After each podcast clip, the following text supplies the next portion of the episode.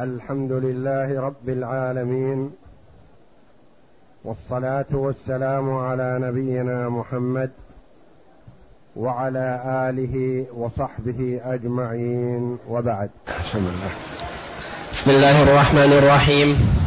الحمد لله رب العالمين والصلاة والسلام على رسوله محمد وعلى آله وأصحابه أجمعين. قال ابن قدامة رحمه الله تعالى في كتاب الفرائض في باب ميراث الحمل. إن مات عن حمل يرثه فطالب بقية الورثة بالقسمة. وقف نصيب ابنين الذكرين إن كان ميراث الذكور أكثر وابنتين إن كان أكثر لأن ما زاد على اثنين نادر جدا. فلم يلتفت, فلم يلتفت إليه كاحتمال الحمل كاحتمال الحمل في الآيسة ويدفع إلى كل وارث اليقين. ويدفع إلى كل وارث اليقين. نعم نعم اقرأ آه ويدفع إلى كل وارث اليقين. فإن وضعت الحمل دفع إليه نصيبه ورد الفضل على من يستحقه. وإن وضعته ميتا لم يرث لأننا لا نعلم أنه كان حيا حين موت. حين موت مورثه. قول المؤلف رحمه الله تعالى باب ميراث الحمل. الحمل في بطن أمه. يرث بشروط. وهذا التبويب يدلنا على كمال الشريعة الإسلامية. وأنها ما تركت صغيرة ولا كبيرة من شؤون الحياة الدنيا أو الآخرة إلا وبينتها وفصلتها بحمد الله. فقد يموت الميت وله ورثة أحياء وله حمل وارث إن ولد حيا.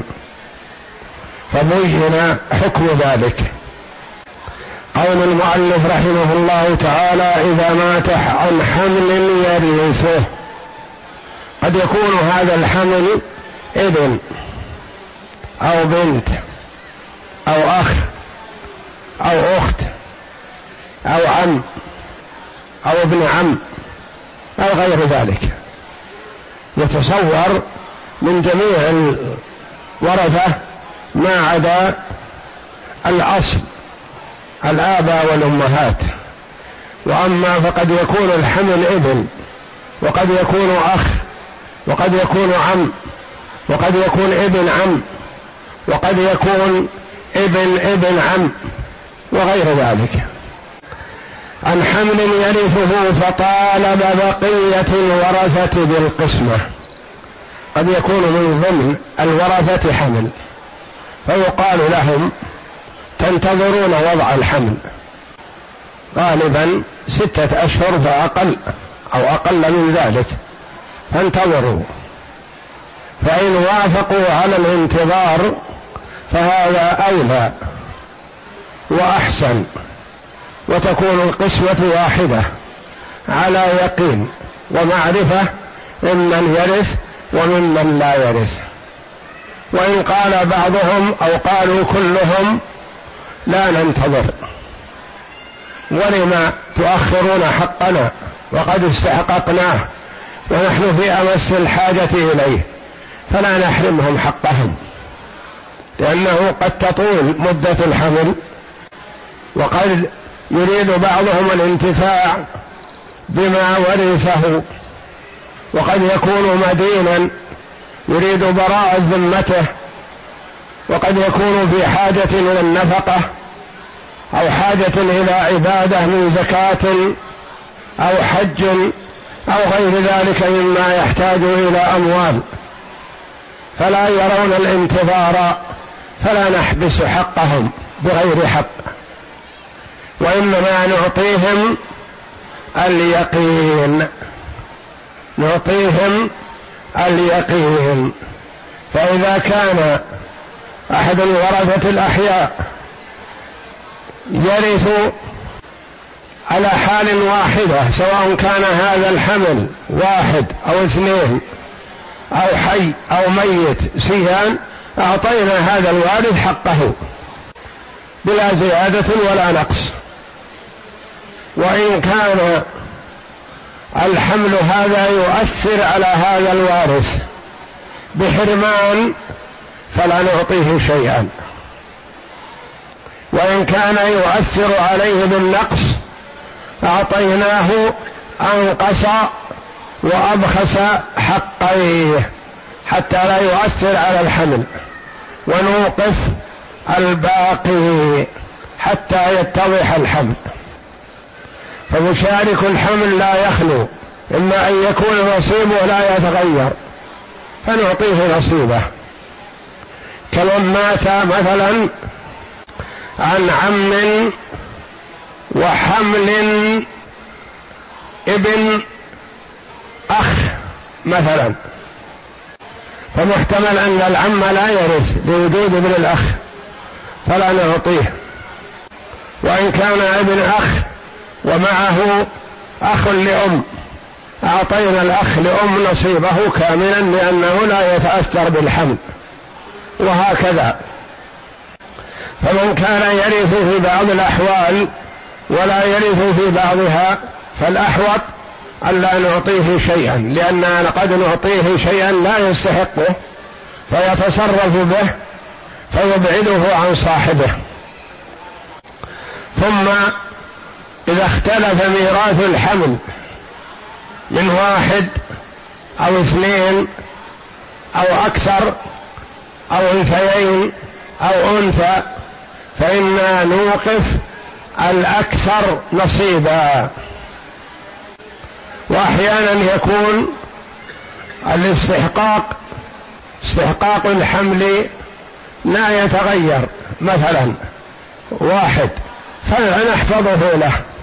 وإن كان فيه اختلاف حفظنا بالنسبة للأحياء الموجودين أعطيناهم الأبخس من حقيهم وحفظنا الباقي حتى يتضح الحمل. يقول رحمه الله إذا مات عن حمل يرثه يرثه بهذا الشرط لأنه إذا كان حمل لا يرث فسيان فطالب بقية الورثة بالقسمة قالوا نريد حقنا. وقف نصيب ابن اثنين ذكرين إن كان ميراث الذكور أكثر أو انثيين إن كان أكثر لأن ما زاد على اثنين نادر جدا. وقف نصيب اثنين لأن هذا هو الغالب يعني الحمل ما يزيد عن اثنين واحد أو اثنين. ثم ننظر. إذا كان نصيب الذكور أكثر وقفنا نصيب ذكرين. وإن كان نصيب الإناث أكثر وقفنا نصيب أنثيين. قد يقول قائل مثلا كيف يكون نصيب الإناث أكثر؟ نقول نعم يكون نصيب الإناث أكثر إذا كان المشاركون للحمل الفروض الموجودة أكثر من الثلث. إذا كانت أكثر من الثلث فنصيب الأنثيين أكثر. وإذا كان المشاركون للحمل من الأحياء يأخذون أقل من الثلث فنصيب الذكرين أكثر. وإذا كان المشاركون من الأحياء نصيبهم الثلث فقط فيستوي فيه الذكران والأنثيان. وإليك الأمثلة. هلك هالك عن جدة وحمل. جدة وحمل.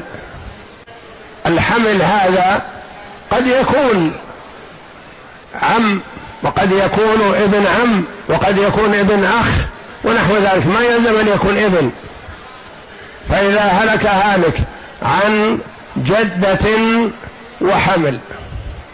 إذا كانوا ذكرين أخذوا الباقي خمسة أسداس. وإذا كانوا أنثيين أخذنا الثلثين ثلثي الستة أربعة. فأولى نقدر ماذا؟ في مثل هذا نقدره ذكرين.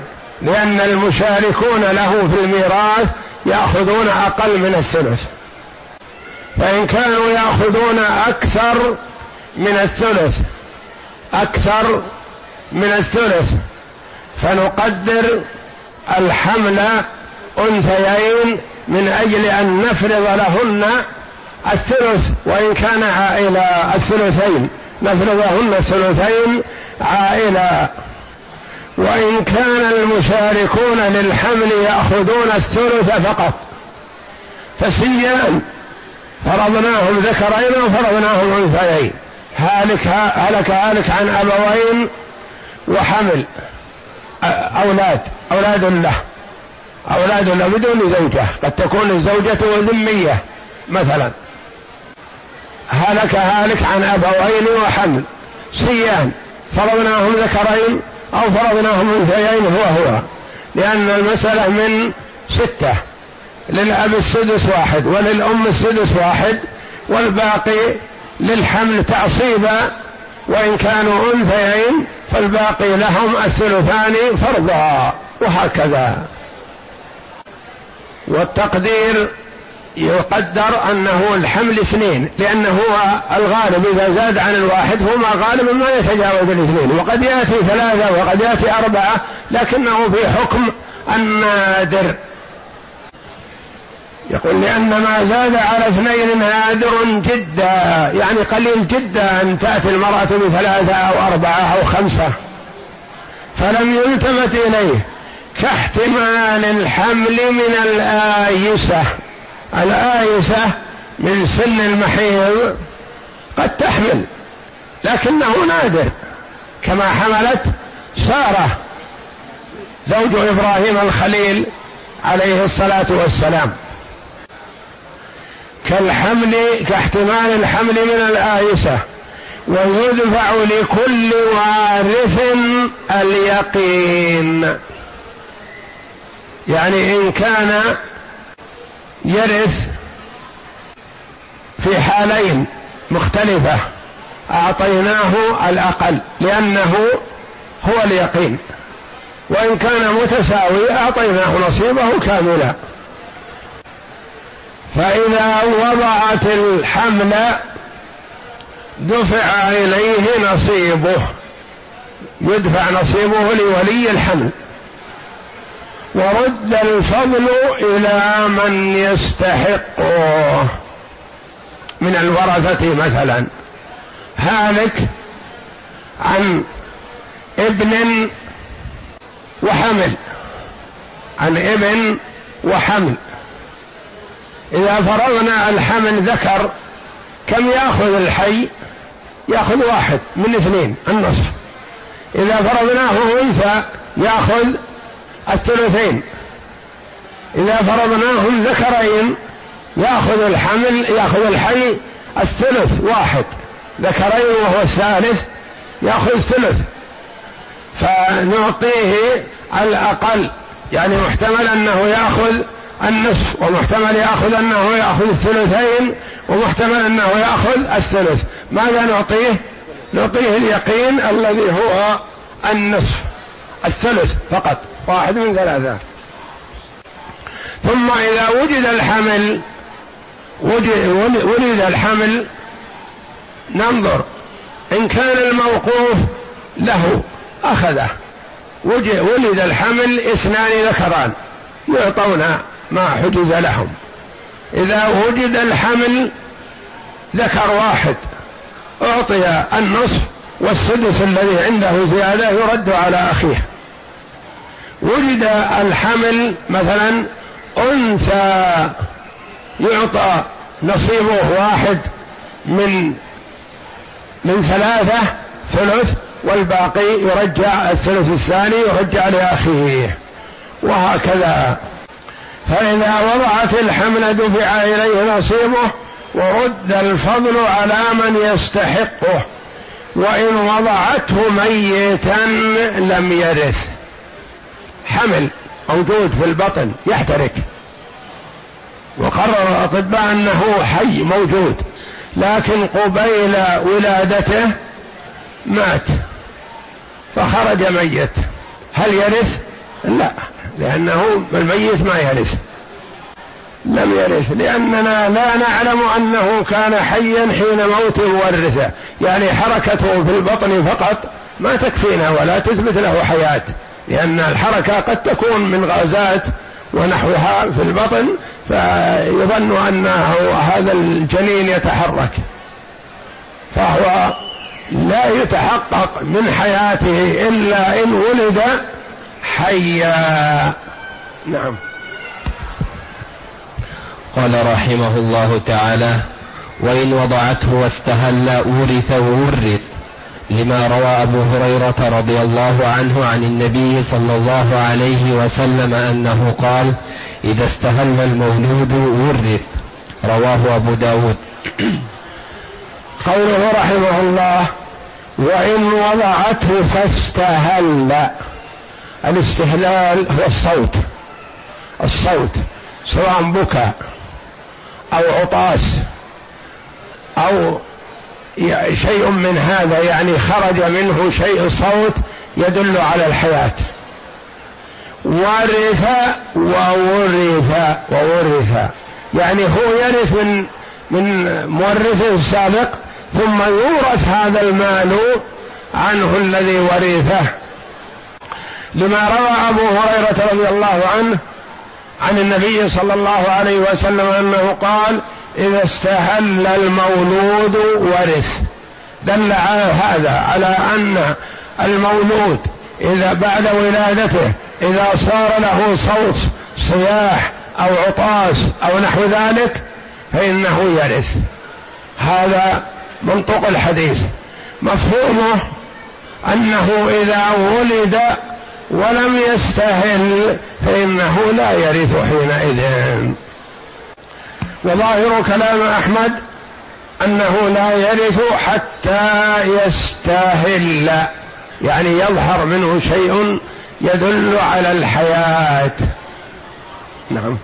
قال رحمه الله وظاهر كلام أحمد أنه لا يرث حتى يستهل وهو الصوت ببكاء أو عطاس أو نحوه.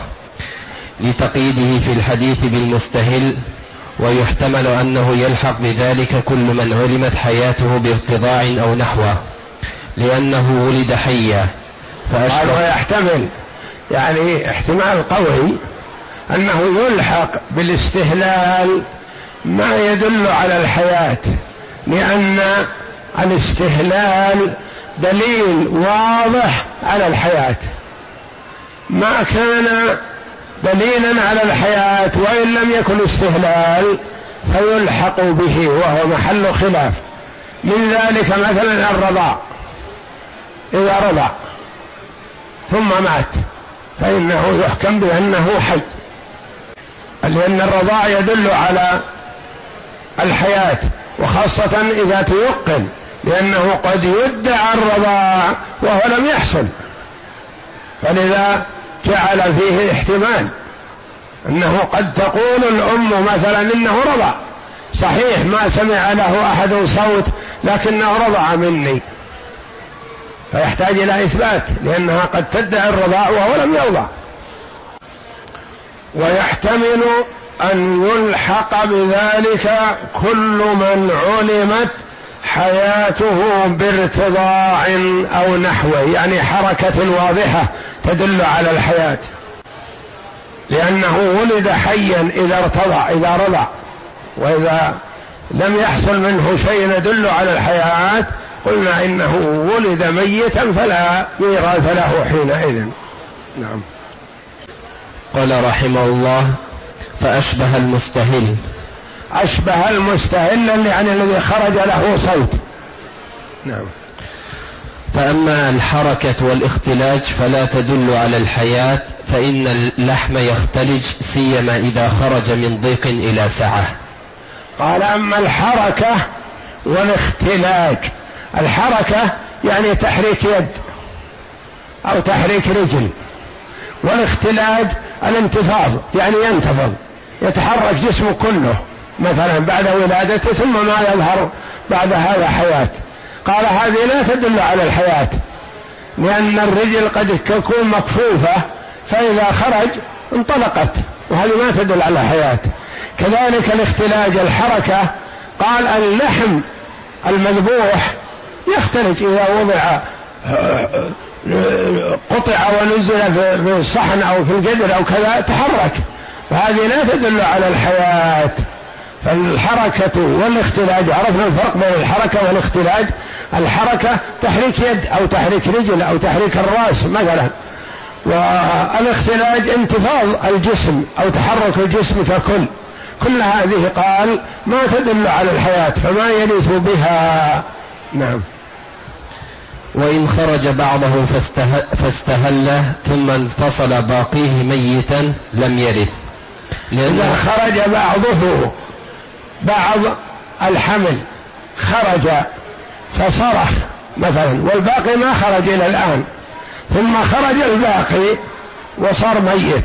فمعناه أنه لا يرث لأن الاستهلال ما يعتبر استهلال صحيح إلا إذا كان بعد اكتمال ولادته. أما إذا خرج بعضه ولم يخرج باقيه فإنه لا يعتبر استهلاله. نعم. لأنه لم تثبت له أحكام الدنيا وهو حي. وإن ولدت توأمين فاستهل أحدهما أقرع بينهما. فمن خرجت له القرعة حكم بأنه المستهل. إذا ولدت توأمين فاستهل أحدهما ولم يستهل الآخر. لكن باختلاطهم ما ميزنا بين المستهل وغير المستهل. أيهم؟ ماذا نصنع؟ ما في بينة ولا في شيء من هذا وإنما يتميز بالقرعة. اقرع بينهما. فمن خرجت له القرعة حكم بأنه المستاهل. نعم.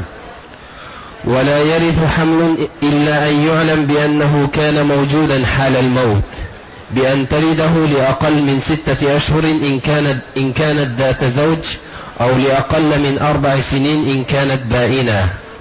ولا يرث الحمل إلا أن يعلم أنه كان موجودا حال الموت. حال موت من؟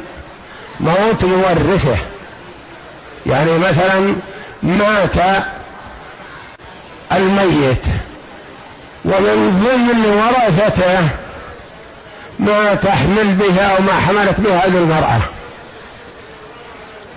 المرأة هذه قد تكون ذات زوج حملت بعد موت الميت بيوم أو يومين. فولدت بعد تسعة أشهر من موت المورث. فهل يرث هذا الحمل؟ لا. نقول لا ما تيقنا وجوده. هذا محتمل انه حمل حادث. ولم نؤمر بعزل الرجال عن النساء اللاتي يحتمل أن يرث أولادهن. ما أمرنا بهذا ولا ما يمكن نقول للعم نعزله عن امرأته. حتى مثلا ننظر لأنه قد يموت قد يرث الولد هذا الحمل ولا يرث أبوه مثلا. أبوه قد يكون أجنبي وهذا وارث. أبوه قد يكون مخالف الدين قد يكون في احتمالات كثيرة لكن الحمل هذا يحتمل يرث. فما أمرنا أن نعزل الرجل عن المرأة حتى نتبين أن هذا الحمل بعد الموت وقبل الموت. لا وإنما ننظر. إن ولدته لستة أشهر فأقل. عرفنا أنه موجود حال الموت. إن ولدته لأكثر من ستة أشهر قلنا في احتمال. ولا نورث بالاحتمال ما نورث إلا باليقين. فاحتمل أنها حملت به بعد موت مورثه فلا نورثه. طيب قد تكون المرأة ليست فراش والحمل عرف أنه يكون سنة ويكون سنتين ويكون ثلاث سنوات وأربع سنوات. وجد من النساء من تحمل من يمكث حملها أربع سنوات في بطنها. فيكون موجودا حال الموت لكنه ما خرج إلا بعد ثلاث سنوات ونصف. فهل نورثه. ننظر إن كانت المرأة فراشا لزوج فلا نورثه. وإن كانت المرأة ليست فراشا لزوج ورثناه لأنه موجود وإحسان الظن بالمرأة واجب. يعني أن ما نقول هذا حملت به من مثلا آه، كذا وأدخلته على الميت أو على أبيه الذي مات قبل ونحو ذلك هذا لا إحسان الظن واجب.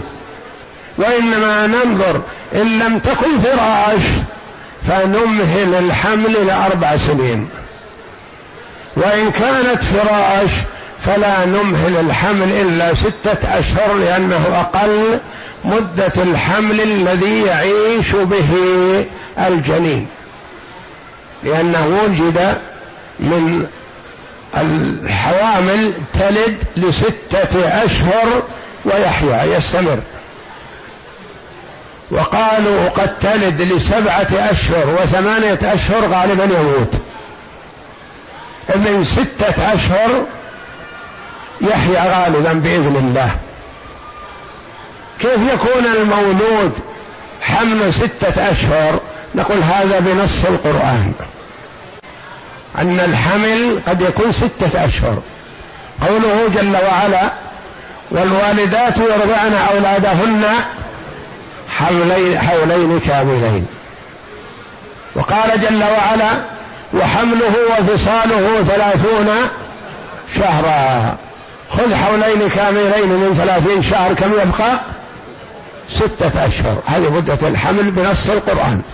أنها تكون ستة أشهر والغالب تسعة أشهر. وما زاد فهو قليل وما نقص عن هذا فهو قليل لكنه قد يكون. ولا يرث حمل إلا أن يعلم أنه كان موجودا حال الموت لأنه إن حمل به بعد الموت فلا يرث. بأن تلده لأقل من ستة أشهر إن كانت فراشا. معنى فراش يعني ذات زوج. أو لأقل من أربع سنين إن كانت بائنة. يعني ليست ذات زوج. فإذا ولدت المولودة لأقل من ستة أشهر من موت المورث عرفنا أنه موجود حال موت مورثه. وإن ولدته لأكثر من ستة أشهر وهي فراش لزوج قلنا هذا حمل حادث ما يرث. وغير والبائن التي ليست في عصمة زوج إن ولدته لأربع سنين ورثناه لأنه محتمل. مدة الحمل حمل أربع سنين وهي أكثر مدة الحمل. اقسم هلك هالك عن بنت وحمل. اعلم أنه قد يكون حمل بلا زوجة. تكون الزوجة غير وارثة. قد تكون الزوجة أنا. فما ترث. قد تكون الزوجة كتابيه ما ترث. فلا تعترض علي إذا قلت عن حمل عن بنت وحمل تقول من؟ من الذي حملت بهذا الحمل؟ لازم أن تكون زوجة. نقول لا. ليس بلازم أن تكون زوجة. وقد تكون هذه المرأة الحامل زوجة عم. وقد تكون كذا وقد تكون كذا يعني بعيدة. عن بنت وحمل. المسألة من خمسة. من خمسة. نحتمل نفرض أن الحمل ذكرين. أربعة يكونون. وهذه البنت خمسة. فنعطي البنت واحد من خمسة. وأربعة نوقفها. إن خرج بنتا أخرى فكيف يكون القسمة؟ نعيد القسمة. نقسمها من ستة أو من ثلاثة. من ثلاثة. نفرض للبنت التي الأولى وبنت الحمل الثلثين اثنين والواحد نعطيه أولى رجل ذكر. هلك هالك عن أم وحمل. حمل ولد يعني ولد للمتوفى. أم وحمل.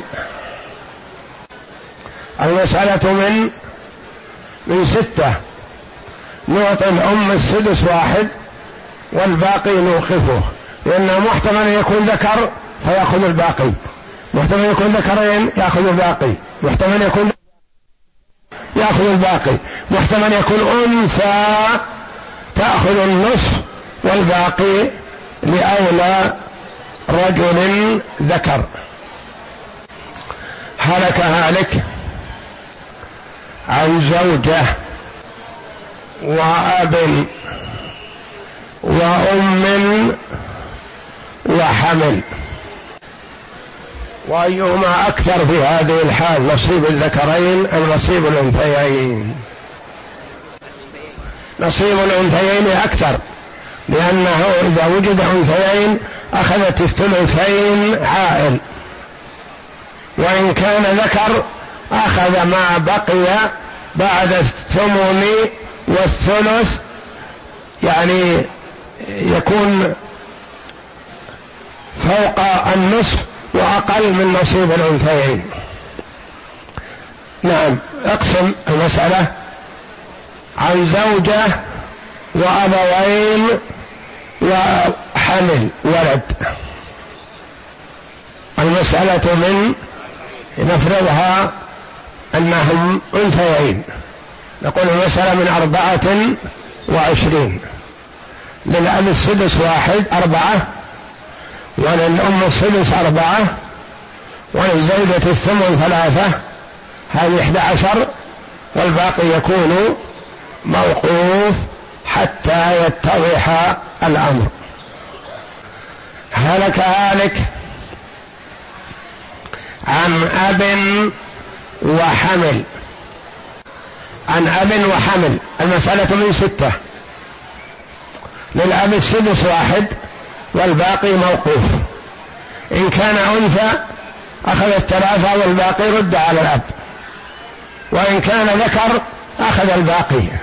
وإن كانوا ذكرين أخذوا الباقي.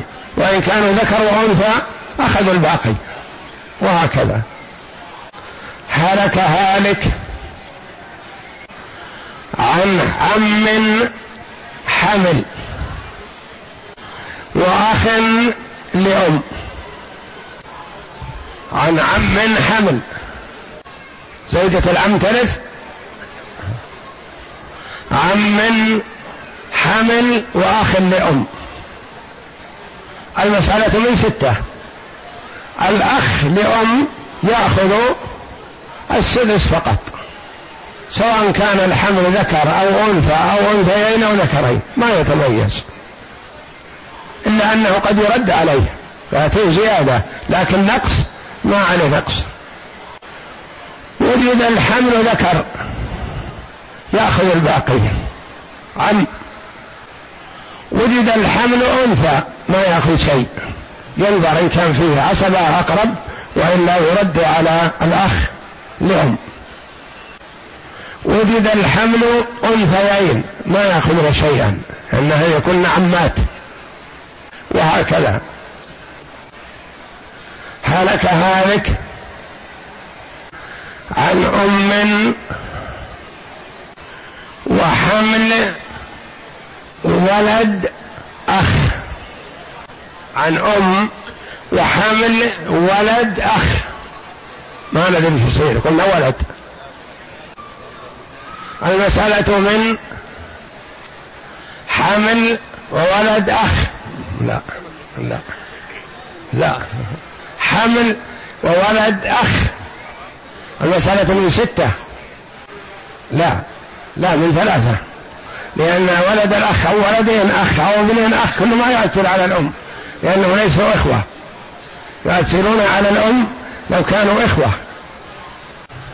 فالمسألة من ثلاثة.